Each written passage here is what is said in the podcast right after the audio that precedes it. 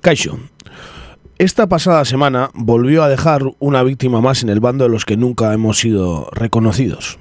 El preso político vasco de Iruña, Xavier Rey, era encontrado el martes pasado sin vida en su celda de la prisión gaditana de Puerto 3, con cortes en sus antebra- antebrazos y en los codos.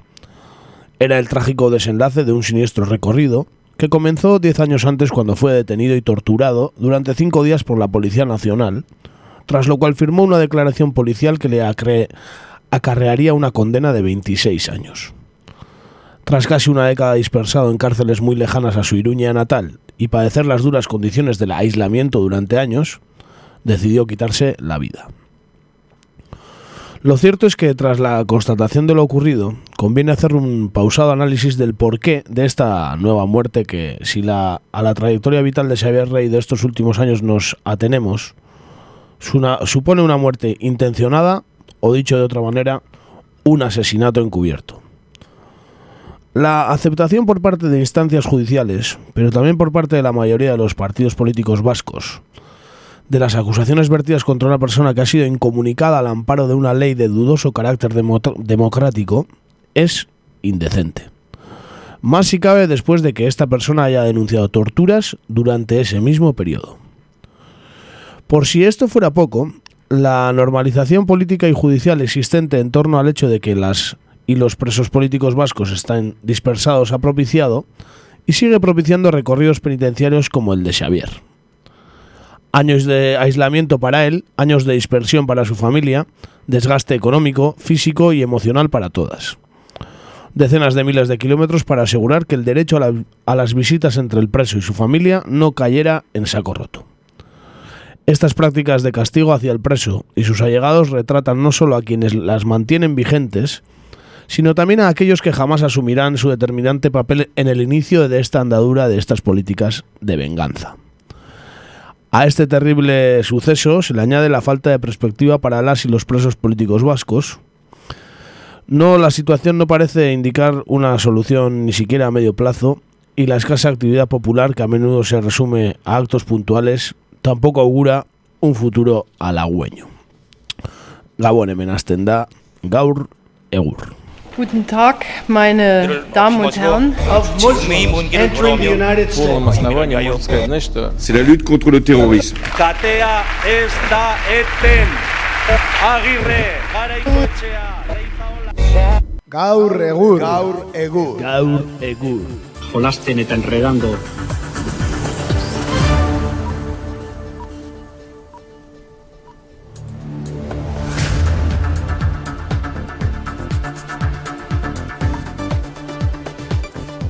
Kaixo Arratsaldeon entzule hemen gaituzue zuzen zuzenean e, astelen bat gehiago zortziak eta hiru diren honetan gaurkoan puntual puntual hasi gara hemen gaude kakaintzonako estudioetan zuzen zuzenean internetez emititzen FM zora indikan ez bai dago kakaintzona martxan e, aitzea Aize erauntxiak antena botazigunetik oraindik ez arazoekin bai gabiltza konpontzeko. Baina, bueno, internetetik zuzen zuzenan eta bestela podcastez edo errepikapen entzuten ari bazara, era guztietara ere, ongi etorri entzule eta ongi etorri zuei ere. Bai, kaixo, gabon. Hori da, arratsaldean guztioi. Eta, bueno, ba, aste honek ere ez dizkigu albiste gozoak utzi, argi geratu den moduan, baina, bueno, ekin egin marko diogu lehenik eta behin, ba, gure Euskal Herri honetan gertatu diren kontuekin. Bertan gaur.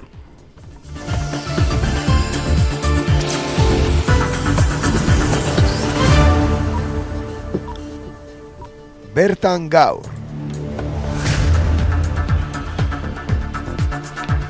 Ba, izan ere, gaurkoan ere, ba, presoen gaia izango dugu izpide, ba, esan daiteke, ba, denboraldian zehar, ba, iruz palau aldiz ateratzen den gaia dela tamalez, e, ba, oraindik aktualitatea duelako, batzuetan albiste positiboak ematen ko izan da, ez? Ba, nola izan zen Pariseko martxa, edo nola Frantziar estatua ba irudien agian e, pixkate bere politika aldatuko duela. Baina beste batzutan benetako egoera etortzen zaigu gainera eta errealitatea da ba, dispertsioak oraindik akatu egiten duela eta islamentuak ere bai eta kasu honetan ba, Xabier Reiekin, e, Iruñarrarekin hori gertatu da. Bai, ala izan da. Bai, e, bueno, e, manifestazio unkiagarria, eh, egin zuten larun batean iruñan, bai, Xavier eh, Reiren eh, eriotza salatzeko. Sakabanaketaren kontrako aldarria egin zuten. espetxe politikak eraman du gure antxo, esan zuen bere familiak. Gordina, alakoa zen isiltasuna larun batean Iruñako Donibane auzoko kaleetan. Batzuetan ezin egoina sortzeraino. Kalera ateratako milaka lagunek, beratzi mila baino gehiago ziren antolatzaileen arabera doluan ziren. Xavier Rey Euskal Presoaren eriotza salatu eta sakabanak eta politikaren bukaera galdegin zuten, auzoari itzulia eman zion mobilizazio unkigarrean. Askok malkoi ezin eutxi egin zuten bidea. Isiltasuna, baina, etengabe hautsi zen salaketa oiuekin. Baina horien ondotik berriz ere itzutzen zen erabateko isiltasuna. Zein gogorra den hau, Xabitxu. Izorraturi gaude, triste gaude, baina gauza bat esanen dizut. Oso baturik eta indartsu gaude, eta batik bat zuk eta beste asko kasitako hasitakoa jarraitzeko gogotsu gaude. Patxi Reik, anaia gogoratu zuen manifestazioaren bukaerako ekitaldian, unkiturik zegoenez, gero, hainbat aldiz eten behar izan zuen solasean. Bere mintzaldian gogoan izan zituen sakabanak eta jasaten duten euskal presoak eta egun hauetan familiak jaso duen babesa eskertu eta goraipatu zuen. Hau da zuk amesten eta desio zenuen euskal herria sabitxu. Ez da ametsa, errealitatea da. Mintzaldia gelditu behar izan zuen guztietan jendeak txaloekin eman zion babesa reiri, naiz eta goltzaren behan zirenetako batzuk ere nekez eusten zioten malkoei. Familia oso atzean zuela mintzatu zen rei, haien guztien izenean. Antxok ia amar urte osasuntxu eta zoriontxu bizi izan ditu. Sinetxe zazue, amar urte oso osorik. Baina ez espetxeak aukerak eman dituelako. Senide eta lagunen indarra eta kemena itzela delako baizik. Hori esan da gogorarazi zuen espetxea krudela dela eta bere lana poliki-poliki egiten duela. Antxoren osasunean aurreko astean estanda egin arte esan zuen bere anaiak. Izan ere, joan den aste artean jakinarazi zuen etxeratek, esan dugun bezala Euskal Preso honek, bere zigan hilik agertu zela Euskal Preso hau portu, Puerto Iru espetxean, Espainian, Kadizen. Familiak argi du eriotza hori saiestu zitekeela. Espetxe politikak eraman du gure antxo, esan zuen. Hala ere, mezu positiboa eman zuen reik oholtza gainetik. Min guztiarekin ere, pozik esan dezakegu, ez dugu amorrurik, maitasuna daukagu. Sobera gainera, gure herriarekiko maitasuna, gure senide eta lagunekiko maitasuna. Zurekiko maitasuna, antxo. Maite zaitugu. Txalo zaparra da jaso zuen familiak hitz hauek bukatutakoan.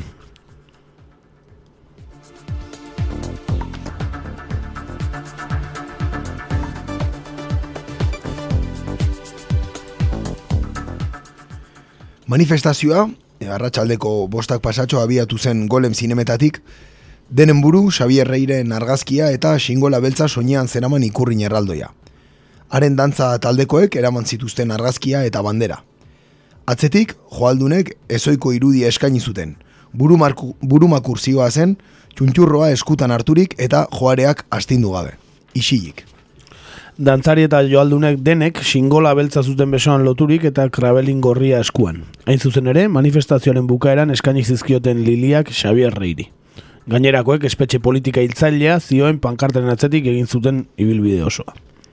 Txalo artean, hasi zen martxa eta sakabanaketaren kontrako eta euskal presoak etxeratzearen aldeko oiuak aditu ziren ibilbide osoan.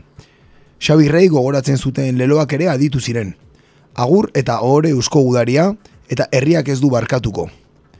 Ibilbidea donibaneko etorbidea ondietatik igaro zen, baina etzen utxunerik antzematen.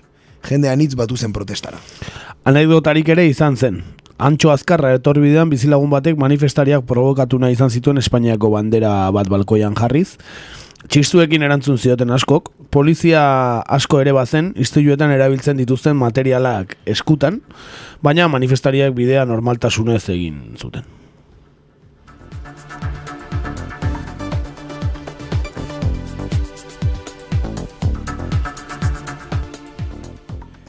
Bukaeran izan zen manifestazioko unerik unkigarriena.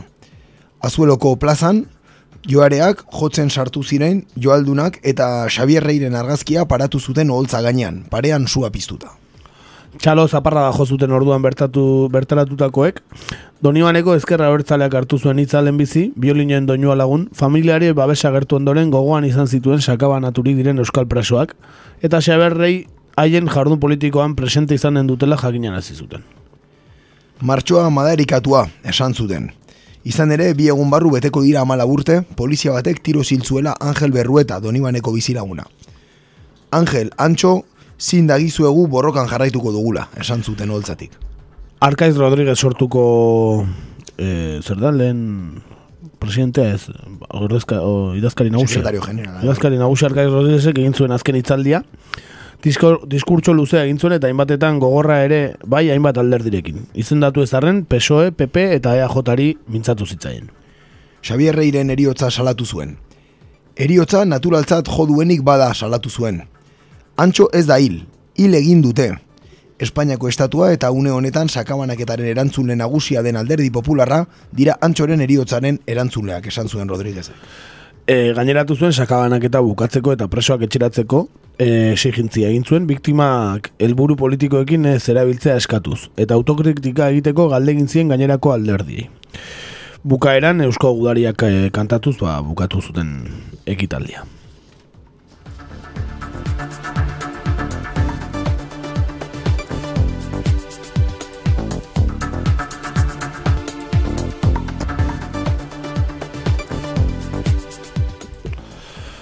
Beno, ba, eriotza bat gehiago kartzeletan, oraingo honetan gainera, ba, ba, ja, estremo batera eraman eta gero bere buruaz beste egitea erabaki duen preso bategatik. Eta, bueno, ba, esaten dana, ez, ba, naturaltzat ematea eriotza hau, ba, ba ez da zilegi.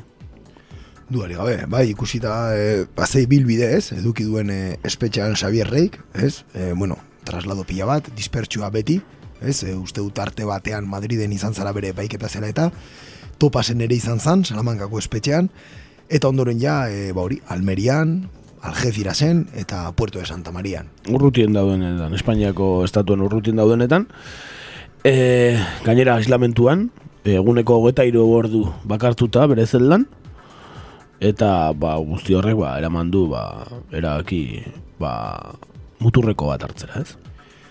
Duari gabe, eta, bueno, nik uste dut importantea dela ere azpimarratzea guzti hau nun abiatzen den, ez? Dala, ba, bueno, ez, 2000 eta zortzian, ez? E, Fernando Grande Marlaskak agindutako e, operazio hoietako batean, ez?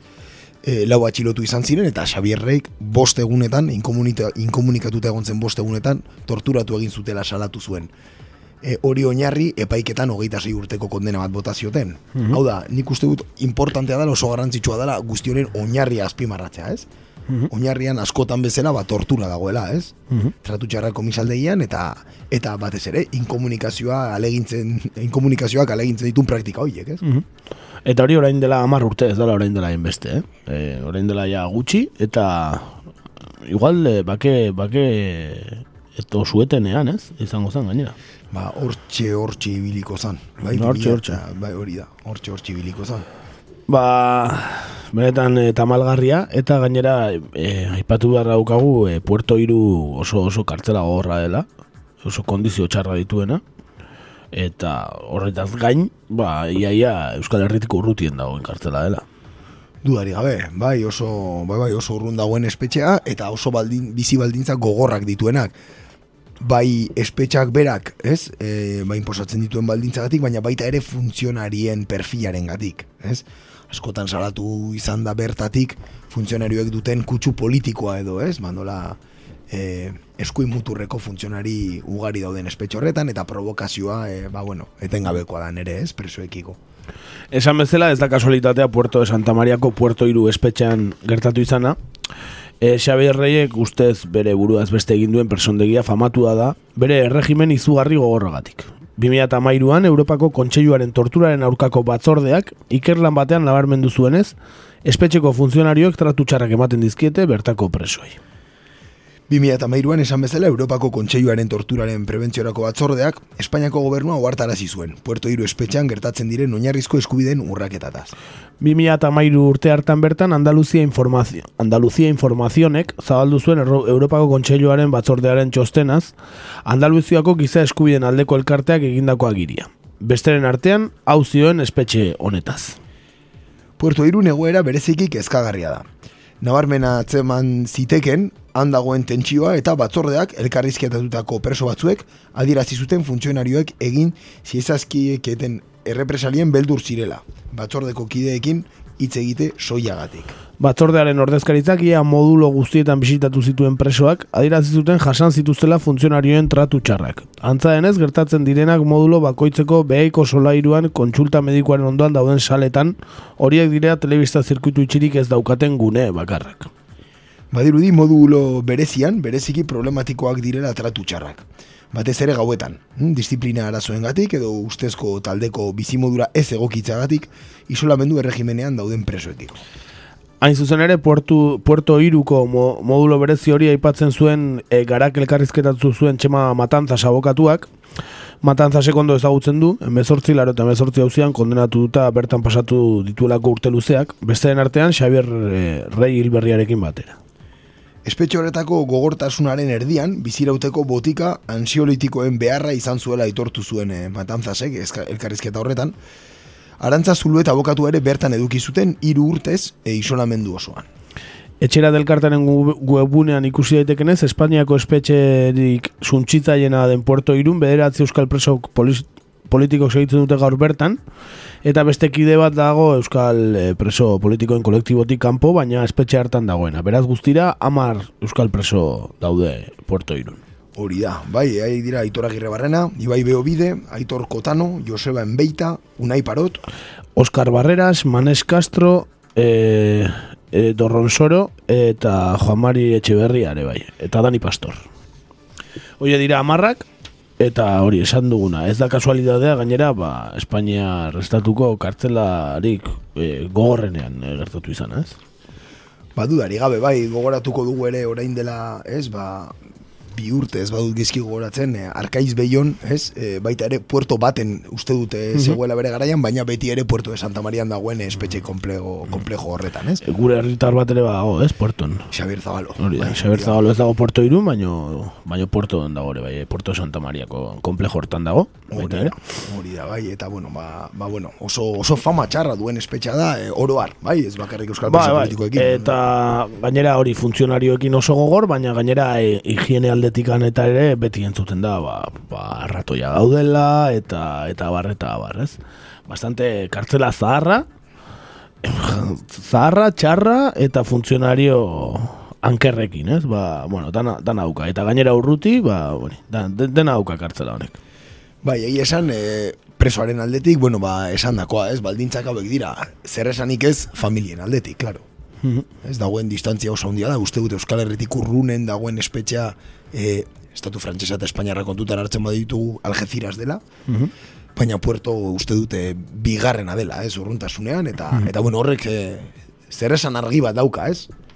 Bai, bai, e, gehienok, entzule gehienek jaingo dute bintzat nun dagoen Puerto Santa Maria eta Cadiz, ez? Ez bazadie tokatu bisitengatik joatea, ba, Euskal Herritar asko joaten dira inguru hartara, ez? E, oporretan e, noiz bai behintzat, bizitan behin behintzat, ez da? Bai. nik uste nahiko argi daukagula nun dagoen Puerto Santa Maria, ez nahiko zetik Cadiz hiriburuaren ondo ondoan dago, eta, bueno, e, batek ez bada, alde batetik ez bada bestetik, ea gehienak ean inguruan ibili eta gaude, ez? Hori da, bai, bai, ideia bat egiteko nun, nun aurkitzen den eh, ez espetxe hura, eta nola jende batek aste bururo bidai hori egiten duen. Areaino. Benetan tamalgarria, eh, beti esaten duguna, azkena izan dadila, baina eh, ez dakit, ez da ikusten azkena izateko intentziorik duenik Estatu Espainiarrak, ez bere ankerkerian jarraitzea pentsatzen ari dela, ez? Hori ez du ematen mintzat aldaketarik egingo duenik Espainiar Estatuak, eta eta Euskal Herritikan ere presioa utxala. Bai, bai, egia esan, e, ba, alde batetik Espainiar estatutik badirudi jarrera, ba bueno, orain arte izan dako jarrera historiko horrekin jarraituko dutela, gaur bertan ez banaiz, e, ez banaiz trompatzen, atera dute, ba bueno, berria nola Espainiar estatuak ez duen, e, ez dituen onartu, presoek banaka egindako eskaera horiek, e, denak, e, ba bueno, errefusatuak izan dira, eta beste alde batetik, e, ba, komentatzen zenuena, ez, e, Euskal Herrian mugimendu falta ikaragarria, ez, ekimen puntualak bai, e, elkartasun ekimenak ere, ez, e, egoten dira, baina egunerokotasunik ez. Ez, inunik inora, eta, bueno, bastante jende bildu zen iruñan, eh? eta esan beharra dago. Baina, ez da, nik bintzat, eh, ala naiz eta adibidez, eh, Frantzian eh, horre atera den albiste hori ez, bat zeo zer mugitzen ari dela, eta ba irudiela zeo zer hobetzera edo bintzat aldaketak daudela Frantziar estatuan, bueno, Espainian eh, ez da ikusten eta eta Euskal Herritikan ere ez da presionatzen o, o, ez, da, ez da ze bide hartu beharko dan honekin amaitzeko, baina ez da, ez da ikusten e, tunelaren amaiera ez da ikusten. Inondik inora. Ba ez ez, esan barra dago, nartu barra dago, tamalez eraginkortasun falta ikaragarria dagoela, ez? Behintzat, egiten danaren ondorioz gauza gutxi aldatu dela oraingoz, ez? Mhm. Nartu beharra dago. Hegoaldean behintzat, iparraldean, ba bueno, e, askotan mintzatu gara hemen, ez? Mhm. Horretaz eta ba irudi gauzak beste bide batetik doazela, ez? Bai, eta ala dirudi, zeren gainera, aste honetan enteratu gara, Frantziak beste hiru preso e, gerturatu dituela Mont Marsanseko e, espetxera, ez? E, eta ja da, ba, bost direla Euskal Herritik hurbilen dagoen e, espetxera leku aldatutakoak. Eta aipatu ba, jaurlaritzak ere, Eusko jaurlaritzak ontzat eman duela e, neurri hau. Hori nahiko, ez? Nahiko kurioso da, ez? Jaurlaritzat on- ontzat ematen du neurria, hor. Mhm. Badirudi jaurlaritzak eh, zerbait esateko daukala, ez? Kasu horretan. eh, Bai, bueno, Frantziar estatuan bai, eta eta Espainiargo estatuan nun aurrekontuak negoziatzen dituen e, boterean dagoen gobernuko alderdiarekin, e, horrez daukaz ere esanik, ez da? Horre, horrez ontzat ez txartzat, hor, hor lehenengo poltsikoa bete eta gero gerokok. oso oso bitxia da, eh? oso bitxia da eh, jaurlaritzak ematen dituen iritziak honen inguruan. Esan bezala hori, Frantziak beste hiru preso no, eh, leku aldatu ditu, eh? Euskal Herritik gertuen dagoen eh, espetxera, bai, etxerateke jakinean hasi duenez, Josu Urbieta, bai, Raul Adune eta Jon Salaberria eraman ditu Monde Marsango espetxera. Euskal Herritik berrunda amabos kilometrora. Orain arte, aduna eta urbieta poatierseko biboneko espetxean egon dira, Euskal Herritik bosteun da berrogeita hamar kilometrora, eta salaberria berez alenzonen, sortzireun da hogeita hamar kilometrora. Jadanik bost dira, eh? Monde Marsanera eh, leku aldatutako euskal presoak, joan den otxaian gogoratzen baduzue, Zigor Garro eta Julen Mendizabal eraman zituzten espetxe horretara. Aurreko hilabetetan zurrumurru ugari, egontzen Frantziak espetxe politika aldatu eta euskal presoak gerturatzen hasiko ote zen. Garro eta mendizabal hurbildu izanan, norabide horretan egindako urrats gisa ulertu zuten eragile askok, orain hiru presago, preso gehiagoren leku aldatzeak hipotesi hori indartzen duela dirudi. Frantziako gobernuak berriz azaldu du iristen zaizkion banakako eskaerak aztertu baino ez duela egiten. Eta hurbiltzeko eskabide horiek aintzat hartzen dituela baldin eta presoak odol deliturik eta Espainian auzibiderik ez badauka. Eta zigora betetzeko gutxi gelditzen bazaio. Edo zein modutan argi dago badagoela aldaketa bat etaren armagabetzea baino lehenagoko jarrerarekin alderatuta. E, Raul Aduna mugituetako bat e, gazteizkoa da, mm, 2008ko maiatzean atxilotu zuten, eta sei urteko zigorra betetzen ari da. Urte bete baino gehiago falta du e, aske geratzeko. Jon Salaberria, bastante ezaguna, ez, hiruetan ezagunena agian, e, zeren jarrai e, gazterakundeko bozera maila izan zen urtetan, eta baita sozialista bertzaleak taldeko legebiltzarkidea ere gazte izen, eta 2008ko maiatzean atxilotu zuten, eta amabi urteko zigorra ezarri zioten. Hortaz, bi urte inguru eratzen zaizkio ba, zigor osoa betetzeko. Josu Urbieta azpeitiarra da, eh, zigorrik luzeena duena da. E, oraindik bost urte da erdi, falta zaizkio aske gelditzeko. E, gogoratu egun berrogeita masi preso dela Frantziako espetxeetan, horietatik sei e, epaitu gabe daude oraindik eta epaiketa iritsi bitartean Paristi gertuko espetxeetan egon beharko dute. Besteak hurbiltzeko eskarak egiten ari dira banan-banan. Bueno, ba, beste hiru e, esan dugu, e, ja da bost dira, Mon de Marsanseko e, kartzela moitu dituztenak, danak gizonezkoak, zeren ez dago emakumezko modulorik e, kartzela horretan. Beraz, berrogeta masei preso horietatik ba, emakumezkoak ez dakigu orantxe zen badiren, baina horiek ez dituzte Mont de Marsansera gerturatuko, hori ziur. Hala dirudi, eh? bere garaian ere komentatu genuen, ez? Nola lare mezango espetxa eta monde marsaneko espetxeak ez, ba, bueno, aurre ikusten ziren mugimendu hauek egiteko. Eta ez batak ez besteak ez dauka emakumeen eh, modulorik. Beraz, bueno, ba, hoxe hor berria. Mhm. Eta, bueno, aipatu, ba, hori, hasi dela mugitzen, baina neuki kontutan, e, kondenarako gutxi geratzen zaizkionak, odol deliturik ez daukatenak, eta Espainian e, kausarik ez daukatenak direla, orduan e, asko murrezten da zenbakia, eh? Hori da, kondizio desente dira, ez? E, orokortasunean aplikatzeko. Bai, egi esan, e, inkluso nahiko komplikatua da, ez? Perfil hori duten presoak aurkitzea, ez? Bai, bat, batez ere, e, hirugarren baldintza, ez? Espainian kausarik ez izatea, eta Frantzian bai, ez dira, ez dira asko izango. Hala da, bai, gero, egia da, baita ere ez, ba, azken urteetan epaitutako hainbat presori oso zigor potoloak, ez? Ezarri zaizkiela, eta beraz, e, e, eliraketela, ba, hori funt, e, bueno, baldintza hauetan e, aurkituko, ez? Ordu noixe. Eta, bueno, gero aipatu ba, ez dela familiarentzat noski, albiste hona da. Eh, berreun kilometrora, ez, ba, azkenean, e, ba, baionatikan e, bi ordura edo dago, ba, orduta, orduta gutxi. Ordun e, bidaiatzeko eta ondo, baina gogoratu aipatu genuela bere egunen ere nola ba, baldintzetan presoanetako baldintzetan ez den e, kartzelarik onena, ez? Frantzian ez dauka oso ospeona ez da kartzela honek. Ez, esan dakoa, ez? Bere garaian komentatu genuen bezala, espetxe berria da, e, alde horretatik bai, instalazioak berriak dira, baina baita ere, e, ba bueno, azken, e, azken generazioko kontrol sistemekin, e, oso impersonala, orokorrean, bai, e, argi natural gutxi duena, hau da, badaude gero, ba, mm esan dakoa, ez, baldintzetan nahiko, nahiko, ba bueno, murrizketa desente, ez? Mm Hala ere, me Frantziar estatuan ze oster mugitzen ari da. Bintzat, eh, alde positiboa ikusi beharko diogu kontu honi, zenen bestela dena albiste txarra besterik ez dira. Eta, hala ere, hor txaukagu zabaiako kartzela horrendik estrenatzeko, ezta? Ea, hor ere, eh? hor ere gerturatu ditzazke Espainiak, baina, bueno. Eta gogoratzea, baionar ere espetxe bat dagoela. Mm -hmm. Inori opa etzaiona, baina espetxe bat. Iban Fernandez ira diez dagor? O ontzan, o... E, igual traslauren batean, no, hain lanemezanen jarraitzen. Bai, lanemezanen dago. Bai, bai, urtegia, eh, lanemezanen aurkitzen dela, beste, beste mm boskiderekin batera. Bai, mm bai baina bai, kartzela ez da, ez da aurrik usten eh, traslada huetarako. Hori da. Mm Beraz, ba, oixe, ez? Besterik ez komentatzeko. Bai.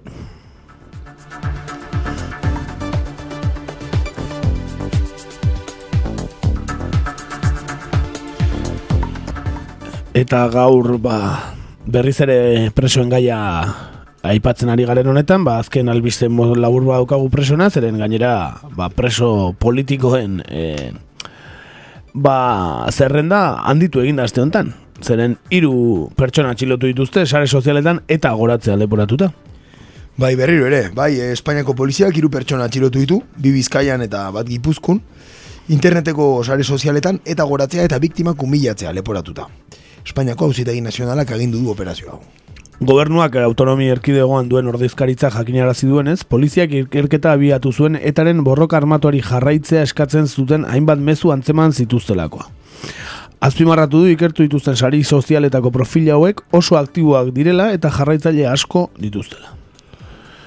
Ba, ez, beste gainere, beste operazioa, txare sozialetan, eta goratzea biktimak humilatzea, e, gero egia esan, ez, behin baino gehiagotan, ba bueno, ez, atxilotutakoen mezuak publikatzen dituztenean, e, zantzu gutxi, ez? Humilazioarena eta gora ipatzearena. Bai, un hemen e, astero gartzen du sare sozialen e, atala eta nik uste hemen e, violentzia gora ipatzen eta beste batzuk e, bastante jarduten dutela astero. Adibidez, burura zatorkidan lehenengoa, falange basko navarra, adibidez. Adibidez, edo foro guardia zibil, ez? Bai. Hor, klasikoak, ez? Klasikoak, hor, egi esan, bai gero komentatuko dugu gainera, ez foro guardia zibilen inguruko albiste bat daukagu gaur kontan ere. E, Hoxe ez, e, horrelako operazioak egiten diaren, ez dakit jau e, araña zenbagarrena izango da? Ba, ez dakit ja uste e, zoologiko guztia bete dutela ja, armi armaz. Hori da, ez armi armaz bete eta dago ja. Zo guztia eta eta eta hoxe, beti e, atxilotutakoak, e, e, ba bueno, e, alor politiko jakin batekoak direla, beti. Bai, bai, noski, noski. Bai, hemen ni dakitela, eh, hemen eh, sare sozialetan atxilutako inor, ez da, ez, ez ultraskuindarra, ez arrazista, ez machista, ez xenofoboa, eh, horrelakotikan, ez erraz. Hori, ez dago, ez, eh, delitos de odio edo, eh, tipifikazio hortan ez dira sartzen. Hor ez dago, eta orain, ez baita epatu dugu beti telebista jarrita daukagula, bueno, ba, biei azkeneko behintzat atzota gaur ez dago beste gairik, ez? Ez dago beste gairik ba, zenba jende gidatziko dute zuen, e, ba, e, e, zera, eriotza zigorraren alde, eta zenba gauza idatziko dute ziren, egun hauetan sare sozialetan, eta hortikan, horrez dago, horrez dago ez errepaitzekorik. Hoixe, eh, horrez dago gorroto deliturik, E, bueno, berriro ere, albiste bat, eh, sare sozialetan idazteagatik atxilotutako pertsonak, hori mm herrialde normaletan ez omen da gertatzen, ala esan diate. Hori da, hori da. Bueno, ba, tamalez beste behin presoen gaia, eta albiste gazi gozoak, gehiena gaziak, eta ba, besterik ez, e, bertan gaurren, ba, pena dala, horrein dikane, gai hauek e, jorratu beharra, baina ez dago besterik. Ez dago besterik hau, hau zan gaurko gaia eta ez zuen beste bat izan. Hala da bai askotan errepikatzen dugu, ez? Orain eh, hamar urte jorratzen genituen gaiak tamalez askotan bueltatzen direla, ez? Bai, Bai, denbora ez dela pasatzen, ez? Ez, ez, eta hemen, e, gatazka amaitzeko garaietan omen gaude, baina e, pff, presoen hauzia bintzat e, luzerako dola dirudi. Bai, konponketa zaila dun asunto eta zari gara. Bueno, ba, amaitzeko, ba, besti bat beti bezala, gaurkoan e, talde lapurtar bat ekarri dugu, frikun, eta bere abestia mal LB. Uste du bakada, bakada izala Planeta handi untan, artea duk mutil. Male lebe, male lebe Dielos gorriz, egunero de kapriz Munduko handiena,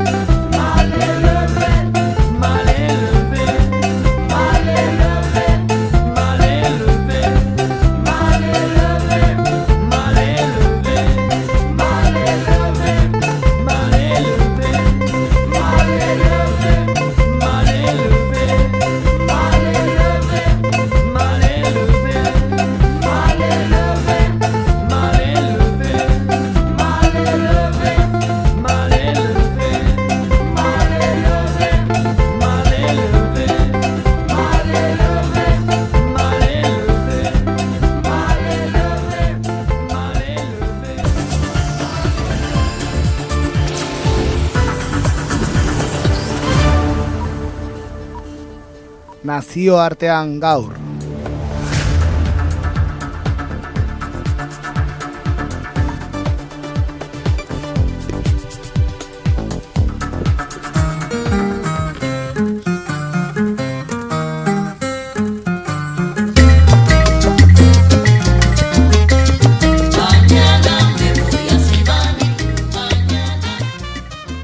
Bueno, pues nada, pasamos a la sección internacional. ¿eh?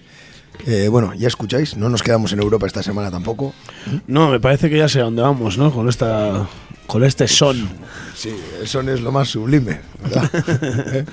Pues sí, sí, hoy no, en nuestra sección internacional ¿eh? volvemos a cruzar el charco y nos vamos a asomar a una cita electoral que prácticamente no ha tenido eco en los medios vascos y, y estatales. El caso es que ayer, aunque no lo sepáis, tuvieron lugar en Cuba unas elecciones en las cuales las y los cubanos elegían a los diputados de su parlamento, así como a las personas que serán parte de las asambleas provinciales del Poder Popular. Vamos a intentar desgranar ¿eh? la cita electoral de ayer en un país que en Occidente, pues bueno, es a menudo tachado de, de dictadura totalitaria.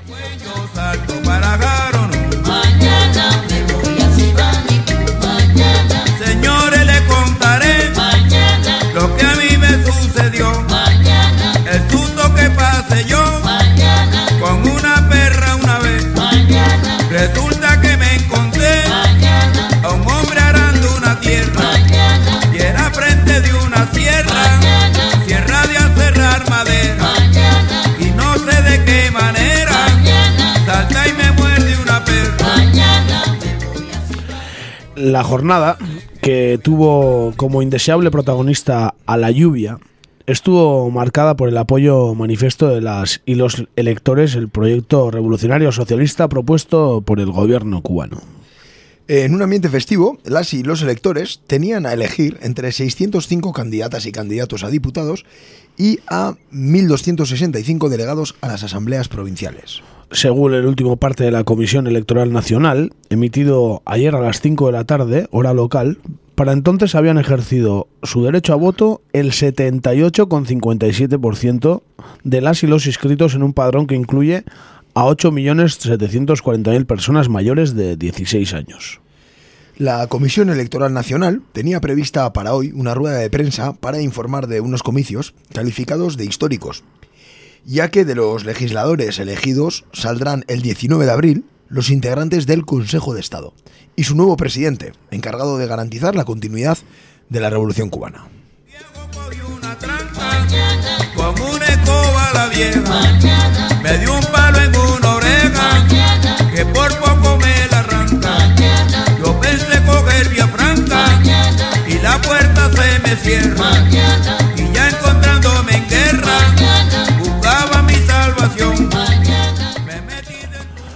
Como ya sabréis, el actual presidente de Cuba, Raúl Castro, eh, ratificó a finales del año pasado que dejará el cargo el mes que viene, cuando comience la novena legislatura de la Asamblea Nacional.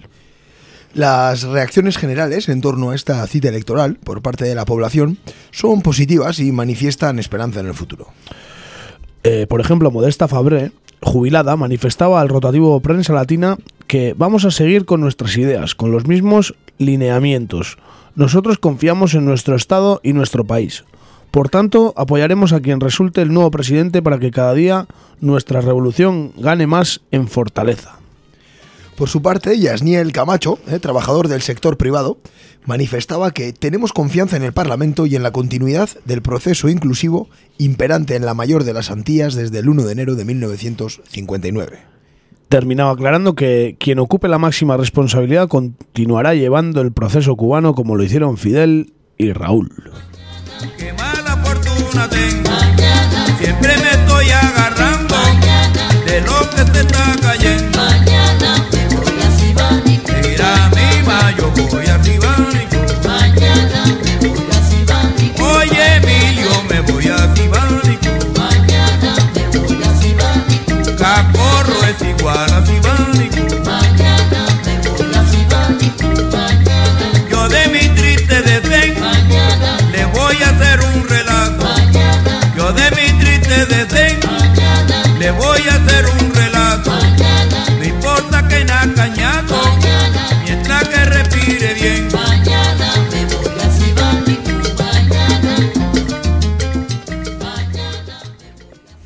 Por su parte, la joven Indira Díaz Roques, de 16 años, nunca había votado. A sus 16 años aseguraba que se trata de un derecho conquistado por los cubanos que hoy nos toca defender, Por eso, al depositar mis votos en las urnas, no solo estoy dando mi respaldo a los candidatos a la Asamblea Provincial del Poder Popular y al Parlamento, sino también al proceso que entre todos construimos desde 1959. En estas elecciones votamos también por Cuba, por el futuro de nuestro país, por la continuidad de la revolución, concluía esta joven de Pinar del Río. Los dirigentes del país caribeño recordaron ayer que las cubanas y los cubanos acudieron de manera masiva a las urnas en unas votaciones enmarcadas en un complejo escenario. Por una parte, eh, se encuentra el gran reto de la actualización del modelo socioeconómico cubano. Por otra, la escalada del gobierno de Estados Unidos en su hostilidad hacia la isla. En referencia a estos dos retos, ¿no? tras depositar su voto, el presidente del Parlamento, Esteban Lazo, advirtió que sabemos todo lo que nos falta por hacer, pero si algo debemos hacer hoy es saber defender lo que ya tenemos. Este domingo resulta imprescindible escudar nuestro socialismo, más cuando tenemos enfrente a un presidente, el estadounidense Donald Trump, que quiere acabar con este proceso. Yo soy melado de caña y soy miel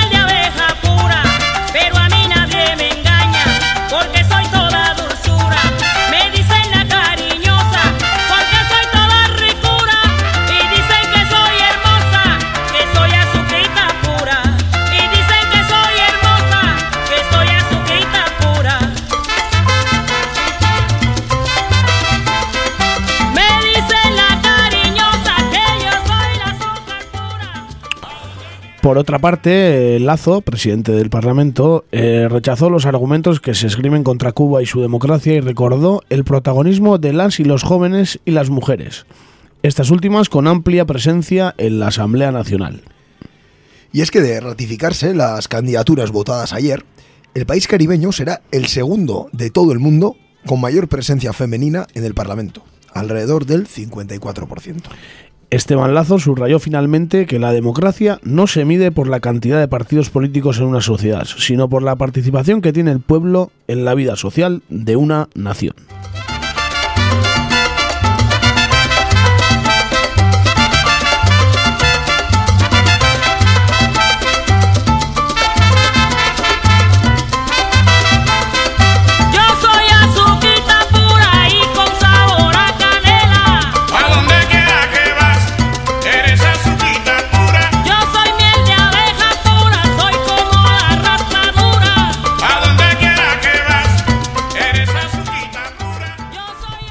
También el canciller Bruno Rodríguez destacó el protagonismo popular que caracteriza los comicios en Cuba y la ausencia en los mismos de los intereses transnacionales, la politiquería y las manipulaciones del voto o de la conducta política de las personas, dijo.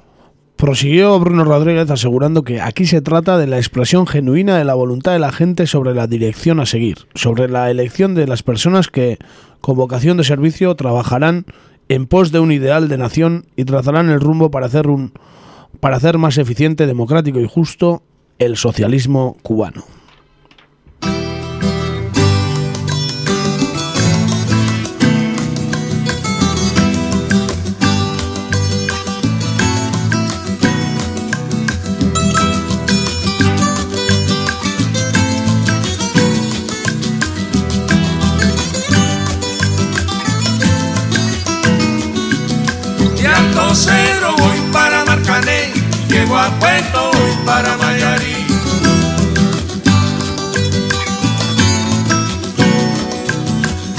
Alto Cedro voy para Marcané, a Puerto voy para Mayarí.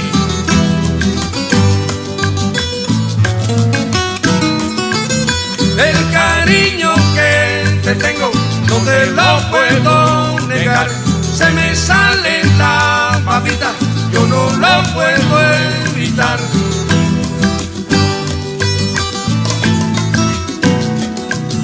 De Alto Cedro voy para Marcané,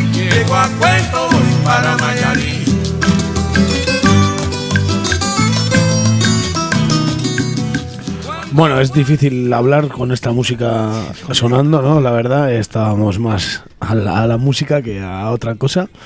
Pero bueno, habrá que hablar algo un poco de Cuba. Cuba que sí que solemos traer más de una vez. Este año no sé si hemos traído alguna vez. Yo creo que Mm, la ¿no? última vez que hablamos de Cuba fue cuando murió Fidel Castro. Puede ser, el año Si no me ¿no? equivoco, creo en la temporada pasada, sí. Sí, puede ser, Sí. puede ser.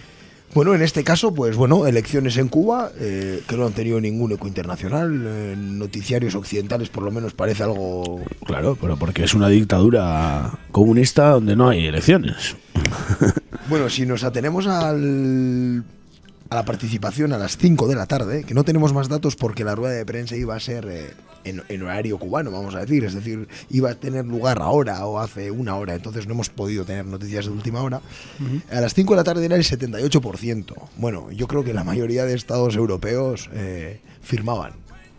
Sí, sí, vamos. Sí, no, no llegó a. O llegó justo, justo a, esa, a esas cifras eh, las elecciones catalanas que eran, vamos a decir, ya plebiscitarias, ¿no? Efectivamente, ¿no? Un contexto excepcional, de extrema participación. Eh, bueno, eh, tirando por lo bajo, recordemos el, el 41% de participación del referéndum aquel sobre la Constitución Europea, por ejemplo. Sí, sí, exactamente. O cuánta gente pues, votó el estatuto también aquí, o la constitución. Por ejemplo, ¿no? Y eso que, bueno, ¿no? Lo que se suele comentar, ¿no? En general, ¿no? Sobre todo en la comunidad autónoma y en Navarra, los ratios de participación en elecciones son bastante altos, comparados Sí, sí. con otros índices que puede haber a, a nivel estatal, ¿no? Sí, sí, suele haber bastante más participación hasta ahora. De, de aquí en adelante ya, ya vamos a ver. Habrá que verlo, ¿no? Fue en un contexto muy determinado y Mm. puede que eso también vaya decayendo. Bueno, como comentábamos, pues bueno, eh, muy importante, elecciones muy importantes, sobre todo por el contexto. Tenemos en cuenta que en, en un mes, ¿no? Prácticamente justo en un mes, eh, Raúl Castro eh, dejará el puesto, dejará de ser eh, el comandante en jefe de, ¿no? De la revolución. cubana, así es. Y, y bueno, pues ahí está, ¿no? Eh, ¿Quién será eh, la o el elegido? Que para- por, por primera vez en seis décadas eh, un Castro un Castro Ruz no va a ser el presidente de, de Cuba. Efectivamente, efectivamente, y bueno, es verdad que hay quinielas, ¿no? Sobre quién puede ser, pero no está nada claro, y estas elecciones tenían mucho peso por, por ello, ¿no? Por ello, por los proyectos que se presentaban y por quién puede ser esa figura, ¿no? Que va a tener que tirar adelante. Porque seguro que como en todo sistema político habrá alianzas, habrá intereses y no, de todo, ahí también. Efectivamente, ¿no? La política es la política al final, ¿no? Y, y ya sabemos más o menos cómo funciona, ¿no? Más allá de eso, es verdad que los retos que se, ¿no? que se plantean ahora en Cuba, el, el mayor reto, el principal, es eh, seguir lidiando con el bloqueo, que es eh, obviamente la losa, la mayor losa que tiene el- eh, este país, ¿no? Y sobre todo cómo reestructurar el, el modelo socioeconómico para poder tirar adelante y, y adaptarse un poco a, a lo que le viene, ¿no?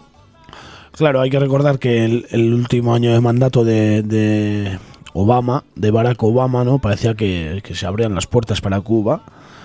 Pero bueno, eso fue solo un, un espejismo porque, bueno, sabemos quién vino después de Obama y, y del negro al blanco pasamos, ¿no? Desde luego, desde luego, nunca mejor dicho, es una metáfora como la copa de un pino, ¿no? El caso es que ahora, pues bueno, pues las cosas están... Trump necesita un enemigo constantemente, ¿no? Necesita un enemigo Claro, constantemente. y con Corea parece que va a hacer las paces, no, no sé- no sabemos muy bien a, qué, a dónde van a llegar. que quieren reunirse y empezar un proceso de conversaciones, eh, parece ser que lo que más a mano tiene es Cuba. Sí, hombre, Cuba siempre es el, el enemigo number one, ¿no? Está ahí en el Caribe, está a poco a poca distancia de, de territorio yanqui y tiene, bueno, tiene primero en la frontera con México, tiene ahí su, su propio frente abierto y luego pues Cuba que, vamos, desde desde que se instauró la, la revolución en Cuba, pues siempre ha sido enemigo número uno, tanto los, los misiles de La Habana y todas, todas estas. Guantánamo sabemos dónde está y, bueno, siempre enemigo número uno de Estados Unidos, ¿no? Así es, ¿no? Enemigo necesario, ¿no? Y bueno, y sin olvidar la importancia que tiene el, el lobby de los disidentes cubanos eh, en las candidaturas de Donald Trump en general. Sí, sobre todo en Miami y Florida, ¿no? Eso es, sobre todo en Florida, ¿no? Eh, bueno, eso es un poco lo que, ¿no? lo que puede venir. Y, y luego es importante para Cuba también, cada vez más importante, ¿no? Pues fortalecer esas relaciones que tiene con, con sus aliados, ¿no? Y lograr una mayor implicación de estos aliados en, en lo que es, eh, pues bueno, en lo que es la, la ayuda, sobre todo la ayuda económica o la ayuda de materias primas a, a Cuba, ¿no? Sí, tiene a un gran aliado en Venezuela. No sabemos si, con Maduro. Bueno, últimamente no, no hay mucho eco mediático con Maduro, no sabemos qué, qué le ha pasado. Desaparecido del mapa prácticamente, ¿no? Maduro. Se ha afeitado el bigote y no se ha enterado nadie. Sí, efectivamente, efectivamente, Maduro. No, la verdad es que no, es- no, está, no está en el mapa, pero bueno, sí, en Venezuela tiene un gran aliado. Luego, en- con Rusia sí tiene algunas alianzas todavía, ¿no? Por, por historia o... Bueno, todavía algo, algo les queda, ¿no? Con, Sí. con los rusos. Queda parte, queda pozo de, de- de lo que fue, ¿no? Queda pozo de lo que fue. Y bueno, y ahí está China también, ¿no? Con quien, pues bueno, tiene ciertos, ciertos tratados eh, en los cuales parece ser que Estados Unidos no se mete. También hay que decirlo. Ya, con China no se mete Estados Unidos, de momento. De momento no. Ya hizo algún amago al principio, ¿no? Donald Trump ya, ya dijo algunas cosas de la exportación o la importación de productos chinos. Pronto, pronto cambió. Sí, sí, la verdad es que fue un cambio bastante brusco, ¿no? el que tuvo. Y luego mucho, pues bueno, te- lo recordamos de nuevo, ¿no? Lo comentamos en aquella ocasión, que Cuba es eh, el mayor, entre comillas, eh, exportador médico, vamos a decir, de, de todo el continente americano. Es decir, a Cuba le genera el doble de ingresos la exportación de profesionales en lo sanitario eh, de lo que le genera el turismo, para que os hagáis una idea. Entonces, bueno, es, es muy importante, ¿no? Y Que sí, sea- y turismo es una de las partes fundamentales también, ¿no? Sin duda. Pero siempre, siempre sale a relucir Cuba, ¿no? Aquí también en nuestros programas cuando salen tasas de, de niveles de vida o de, ¿no? de, de felicidad de la población o de, de tasas de pobreza. o- no, siempre está, en muchos está por delante de Estados Unidos, en, en otros está, está mejor que muchos países de, que tienen su mismo contexto, ¿no? Y, y claro, pues en muchos aspectos Cuba es un referente. Efectivamente, ¿no? Sobre todo, bueno, muchas veces que cuando, bueno, cuando nos hemos referido a, a niveles de educación, ¿no? O a niveles sanitarios, en general despunta bastante en estas dos, ¿no? En estas dos eh, materias. Y, y siempre eh, subrayando y añadiendo que es un país que, que tiene un bloqueo impuesto que le condiciona totalmente su modelo económico y, y su supervivencia. Siempre recordando la base de, ¿no? del problema, ¿no? A Donald Trump todavía le quedarán eh, casi tres años de mandato, ¿no? o tres sí, años. Un, o... un año creo que, ¿no? Y cuan- Lleva un un, año y año, y creo que lleva algo, año y poco. Bueno, todavía vemos que cada, cada cierto tiempo va cambiando de enemigos, ¿no? Porque ahora parece que con Corea no sabemos qué va a pasar, pero como que van a negociar, ¿no? Dicen. Van a empezar a, a hablar, no sabemos muy bien de qué quiere hablar Donald Trump tampoco, porque, bueno, visto las declaraciones que hizo el otro día, supuestamente unas declaraciones dialogantes y para Sí, forzar un- jocosas, ¿no? Esan badau, ingo dau, ez? Hola, esantzun, ez da, Euskaldun urak. Así dijo el pastor aquel, ¿no? Esan badao ingo dao. Trumpek esan badao ingo dau. La verdad es que ahora andaba descaminado. No. Esan zauen eta, eta indau, ez? Bai, bai, baño... No sé, no sé qué va a pasar con, con, con Corea. Parece que puede ser... puede- a ver quién es el nuevo presidente de Cuba, a ver cómo lo acepta Estados Unidos. Algo, dirán al respecto, ¿no? Sí, sí, sí, ahí está claro que para ellos es determinante quién va a ser esa persona. La persona importa mucho en este caso, ¿no? Es decir, eh, las, la formación de esa persona y la trayectoria política que haya podido tener en Cuba, sobre todo a nivel económico, es decir, sobre todo el esquema, ¿no? Eh, económico que, que prevea para el país es muy importante en este caso, ¿no? más apertura, menos apertura, cómo gestionar, ¿no? Cómo gestionar la situación que, vuelvo a repetir, siempre es delicada, ¿no? Debido al bloqueo siempre es una situación de emergencia, es una economía de emergencia desde hace 50 años. Sí, sí, sin duda. Sin duda. Y, y aún así, pues decimos, es referente como tantos ¿no? en sanidad, en educación y en cultura, ¿no? Hay más que oír, eh, bueno, la música cubana, ¿no? Que cuánto, cuánto gran músico hay en Cuba y cuánta gran música se ha hecho en Cuba, ¿no? Y, se sigue haciendo también. Desde luego, desde luego, ¿no? Eh, a nivel cultural es un país, es un país referente y, y a nivel incluso, ¿no? Universitario y, y, bueno, a nivel académico, ¿no? Vamos a decir. ¿no? Sí, sí, sin duda, sin duda. Eh, poco más que añadir. Eh, no sé. eh, hablando de Corea del Norte, solo un, inciso. Eh, no sé si eh, puede que este año el premio Nobel de la Paz le puedan dar a Dennis Rodman, ¿no? Así, ¿no? Por intermediador de, entre Corea y Estados Unidos, ¿no? Juro que si va, la, si, va a este- si va a Oslo a recoger el premio Nobel se quita los pendientes. Sí, seguro. Si, si no se quita otras cosas. Eso es, eso es. Pero, oye, si le dieron a Obama, yo creo que Dennis Rodman se merece. Es una Hombre, desde luego con Obama dejaron el listón tan bajo que ya, ah, ¿no? Eh, fíjate, pensé en presentaros a vosotros. Sí, ¿no? Por todas las aportaciones que habíais hecho del programa por la paz. O sea, pensé en presentaros a, vos- a vosotros. Eh, De verdad, de verdad. La verdad es que sí, pero bueno. Nuestro candidato, Dennis Rodman, para el premio Nobel de la Paz. Eh, Hay que eso, llamarnos locos, pero puede que acertemos. Eh, ojalá, ¿eh? Bueno, sin más. Tampoco me cae simpático. Bueno, sin más. A mí tampoco, pero bueno, es eh, bueno, eso. Antes que a Garzón, ¿no?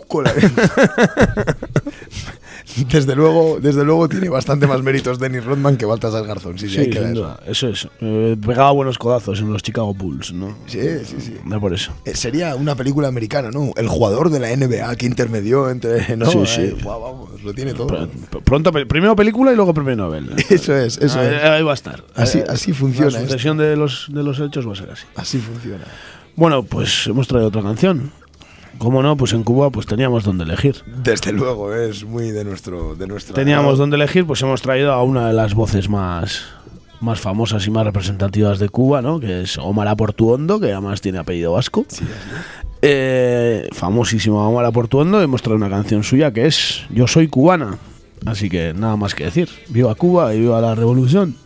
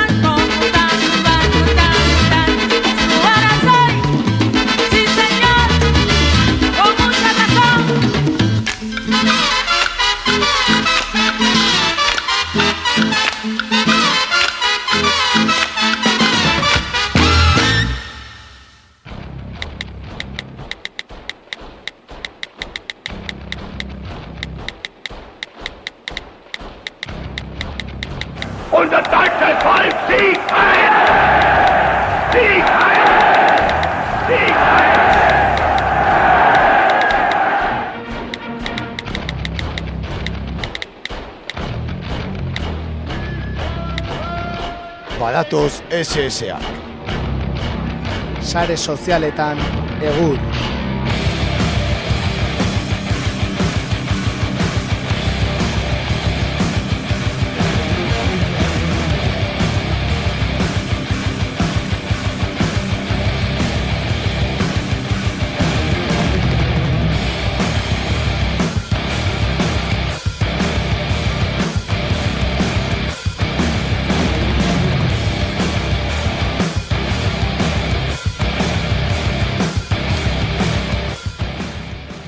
Eta sare sozialetan aste honetan, ba, zer zer daukagu aste, aste honetako sare sozialetan? Denetik egon da aste honetan, Denetik egon da, baino zabor pilo bat egon da, aukeratzea zaila izan da benetan, ba, jendeak zaborra idazten ah, gustoko bai du. Egia esan sare sozialen maila geroz eta gehiago beraka doa, ez? Geroz, ez? ez? Desa, desastrosoa, bai, bai, bai, bai, bai, denetari. Jende, Edo zer gauza, edo zer modua, eh, desastre bat. ba, ez zaio zoido jungo atzetik ez.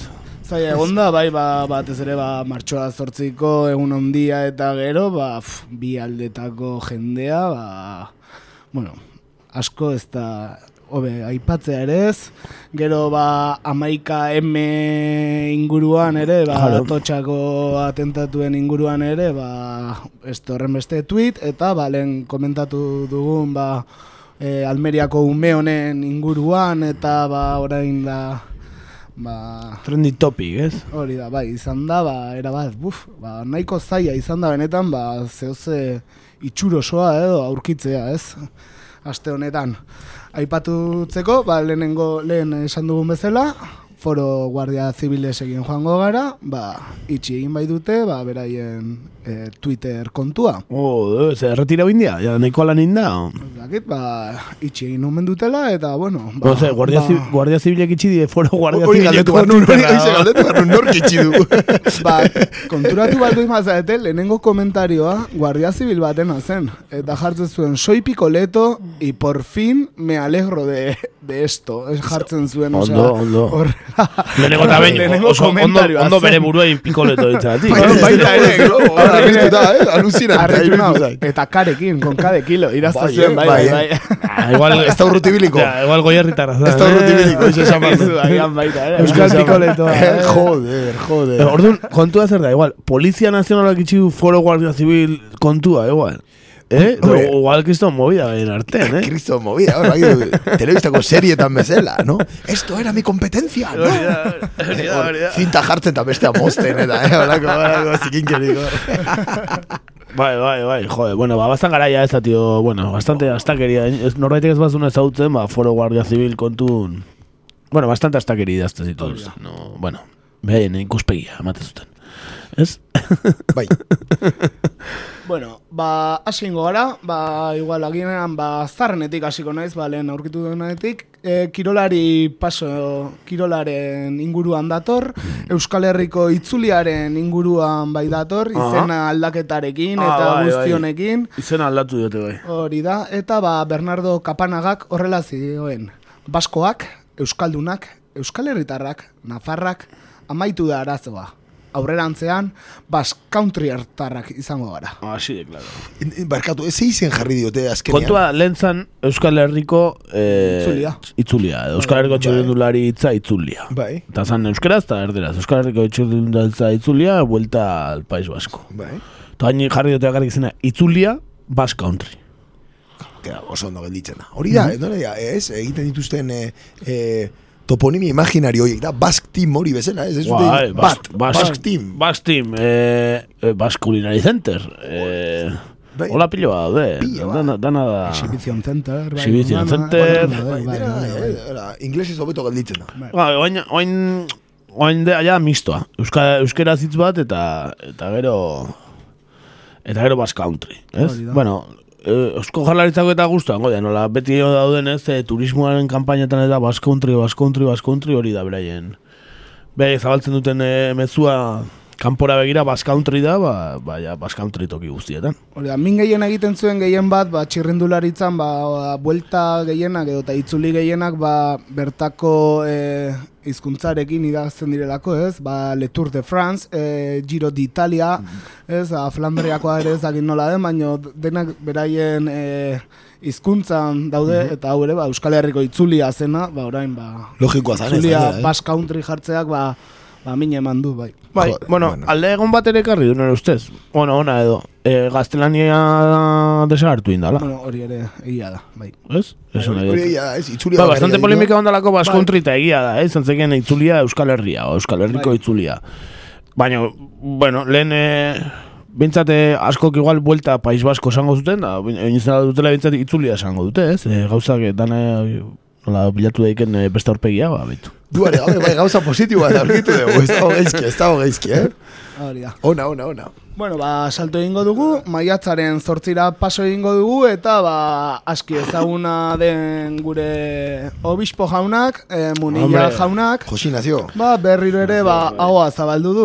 E, ba, bota zuen berea, ez, ba, e, feminista guztiek deabrua zeukatela bere barnean sartua, eta ba, aste honetan ere, ba, beste, horren besteko bat bota du. Eta honela dio, el matrimonio gay es inconcebible, el aborto también, ni en caso de violación, y peca quien se masturba una violencia sobre el cuerpo. Pretende arrancarle el placer sin vivir el amor que le da sentido. A ver, algo sabe, algo sabe de esto. Algo sabe, ¿no? Munilla, eh, Munilla... Algo sabe de masturbación. no, hombre. Hombre, a ver. Pero él hace el amor con Dios, es diferente. Él no es- es masturbación. Él, él- él primero está casado con Dios. él está casado con Dios y es bastante sospechoso. Dentro de su mundillo, eso ya. Exactamente, exactamente. ¿No? Es un munillo, sí. Es un munillo. Y ni en caso de violación. Y si el violador es cura, que entonces sí o tampoco no lo acepta Dios. O eso tum, que tum. es. Que de eso también algo saben. De eso también saben algo, sí. Bueno, Munilla, pues. No vamos a entrar en detalles de gente que tiene hijos con palomas y todo el rollo este. Ya, no no, eso, es lo, eso es lo más natural, ¿eh? Una paloma y, la- y una madre virgen y. Bueno, lo- lo- que se lo hagan mirar a ellos primero, ¿no? Hori eh? Nik uste dut arazoa daukala, eh? Nik uste gizon honek arazoa daukala, eh? eh bueno, botik aldatu dezala, eh? Bueno, Jose Ignacio, eh, nahi dezunen, eh, Radio Marian ez bagezuleku, kakaintzona ningo izu toki bat, eta gu hemendikan dei bat, eh, Mon, Monse Munillari, eh, Monseñor, gure Monse Munilla, eh, ba, etor da nahi badu gure irratxaiora, gaur egurrera, eta, eta ba, oso gustora ingo genioke elkarrezketa sakon bat, orduta erdikoa. Duari gabe. Eta gutxienez ordu erdi bat eskainiko genioke gai honi, eh? E, masturbazioa eta usoa eta ama bergina eta, a ber. Are eta gehiago hor dago bat botako dugu, musika bere kontu. Hori da. Fondoko musika berari utziko genioke. Hori da, gregorianoak eta hola, Hori eh? da. No puede rechazar la oferta. No puede rechazar la Bueno, oferta. Joseina, nahi zunen, eh? Bornin de... no izango zen, garantza zulo. Bornin, eh? Ignorantza Bornin zulo. leturiatako parrokin. Eh, Arroza sareko, arroza sareko Joseina bihurtuko zaigu, eh? Bai, jo, baiet, Joseina zio baiet. munilla. Oso ona, oso ona, Josi Nazio, bueno, hoxe, konbidatuta. Hor bero bat, eh? Gaina, Kriston Eliza berritu zioten hemen, zumarran, eh? Behaze honen, diskoteka bat dirudien Eliza, eh? Uh, han pintxatzeko Joseinak eta eta gero alde intzun. Aldea, fitxa zuten donostiko diskoteka garestia gotatik eta eta hemengo hau zintzun. Ara, juntzan, bai, esatu dute bataplanen eta ibiltzen dara. Zer, ligatzen? Ja, No da, bueno, bueno, etxazu olakorik esan. Ma virginakin, joder. Ah, vale, vale, vale, barkau, barkau, barkau. Bueno, jarraituz, eh, gure trending topic honekin, eh, eh, ba, maiatza zortziko ba, beste eh, komentario batetara joango gara, honek nahiko faska izan da, nahiko eh, egurra eman dioten komentarioa izan da, eta ba, oso ona izan da erantzuna ere. Corderitok, horrela zioen. Hay pavas que han hecho más ruido en mi cama que vosotras en la manifestación. Eta orain da dator, erantzuna. Semicirculoena. Pero de la mani hemos salido todas satisfechas. ba, gehien hola ikusiena eta izan da eh, hola, sare sozialet guztietan eta benetan erantzuna oso. Es que... Bueno, eh, puntu ugari utzi dituen aizkoraka da hori, eh? Ba, ba, baina eske genetan, eske bau jendea, sare sozialetan edo zer gauza idaztera jartzen dana, eh? Desde luego, desde luego, oza, da... Zin la- idazten dezu horrekin. Que ha hecho Lamentable. más ruido, baina benetan historikoa izan da mobilizazioa. Eta en su cama, en su cama... ba, se- Sin comentario, eh, benetan, eh, osea... buf. Hori eta munilla behalduko nitu nik bi, oporreta bi, mano, mano. Erkibiliko zian, erkibiliko zian. Bien de ruido. Vale, eta jarraituz, baina horrek ez dauka inungo, no, osea, eh, zer ikusi ja, aste honetan gertatukoarekin, baino benetan oso tweet ona iruditu zait, nahiko orokorra gaurko egunerokotasunari begira, eta horrela dio Miguel Serrak. Hoy he visto un chico sentado en la terraza de una cafetería, sin móvil, sin tablet, sin ordenador. Estaba ahí sentado, tomándose un café. como un psicópata. Bai, egia, da, egia. da. Bai, desde luego, eh. Grazia egin dit, grazia egin dit, ba, nola, ba, gaur egun, go, Bai, gizarte, hauetan, ez, gizarte, honetan, ba, ba, danok, ba, mobila edo ta zeo ze daukagu, ez, bakarrik egon, da, batez ere, ba, beti ere jotzen duzu horrelako... pantalla begira hori beti, da. ez? Seguro, bate mate egongo zala ondoan kafe hartzen, eta, has visto ese, has visto ese. Bai, bai. Guau, guau, guau, mira, eh, qué miedo da ese, eh. Bai, bai. Mira, qué colgado, eh. Egia da, En fin. egia da. Orain, eh, tabernatea sartzen zea eta ez bauke zuzen egin itzein, ba, nori, danak mobilei begira, ez? Bai, bai, bai, bai, hori oso ohikoa da. Nik uste denok, eh, jende guztiak egiten duela hori, eh. Bai, bai. Oso itura. Bai, bai. Ja ez dut ez da, ez da periodiko hartzen irakurtzeko, ja. Hora egoten da zintzilik. Hori da. Eta, Osea, gero lurra, lurra lehortzeko eta hola. hori da, ez, hortako erabiltzen dira gaur egun, eh. Bueno, eta baia lehenengoarekin joango gara, osea, berriro egin du. Berriro egin du, nik uste ez duela presentaziorik behar, entzun ezazue. Voy a hablar con absoluta claridad porque no tiene sentido que lo haga de otra manera. Nosotros disponemos de 137 diputados en el Congreso de los, eh, de los Diputados. Lo que dice la razón, la lógica y el sentido común es que lleguemos a un entendimiento y tengamos pronto un modelo de financiación autonómica. Yo eh, puedo asegurarles a ustedes que haré todo lo que pueda y un poco más de lo que pueda si es que eso es posible. Y haré todo lo posible e incluso lo imposible si también lo imposible es posible. Aupa, Mariano! Artista, artista, artista. MR, MR, joder. Urtea bere Ja. esaldiekin bukatu genuen, eta... Izjokuen Jimi Hendrix daukagu, eh? Da pasada bat, virtuoso bat, eh? Virtuoso bat, Nola maten ez dion parekorik. esaldiai, eta, eta imposible, lo posible, de lo imposible, eta... Nor ez da zertaz enterau, ez du ezer esan, Du ezer esan. baina minutu bat itzein du, eta listo. Eta ondo gelditu da. Hombre, oso ondo ondo. gelditu da. Eta bere aurpegia jarri eta jun egiten da. Muchas gracias.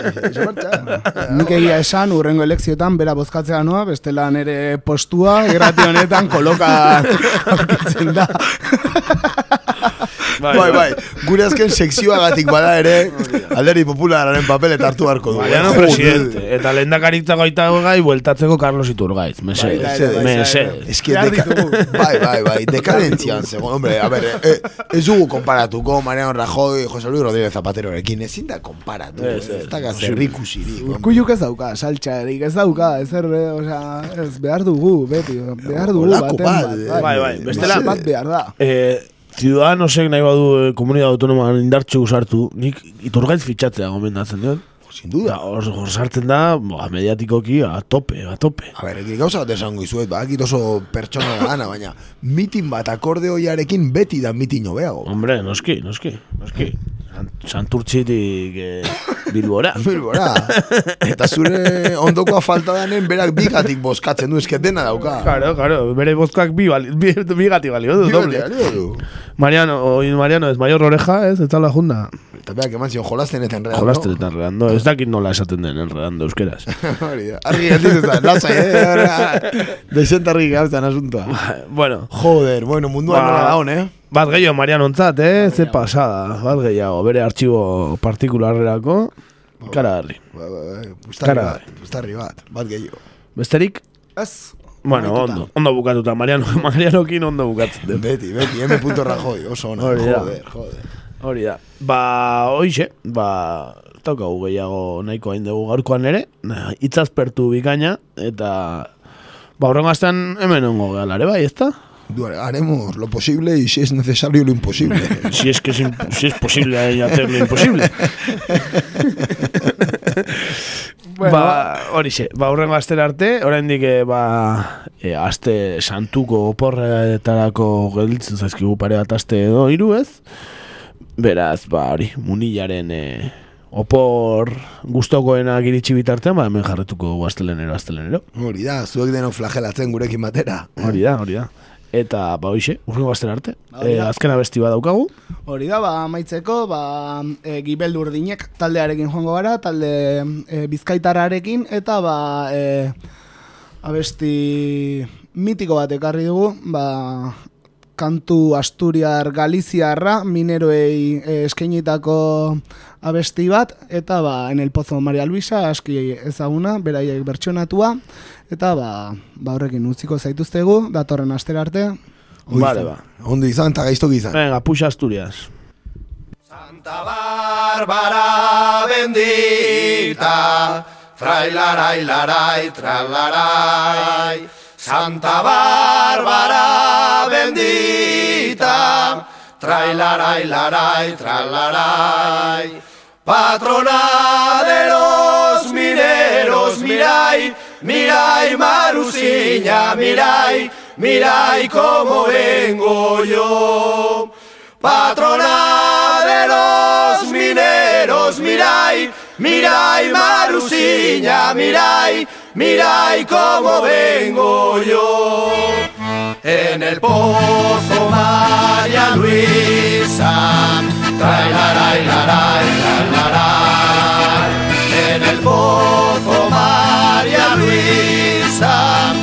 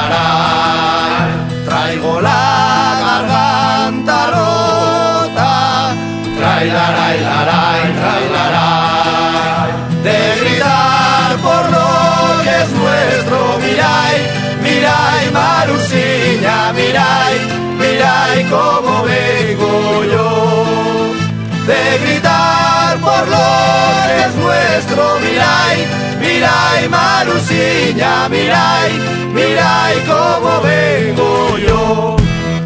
Me cago en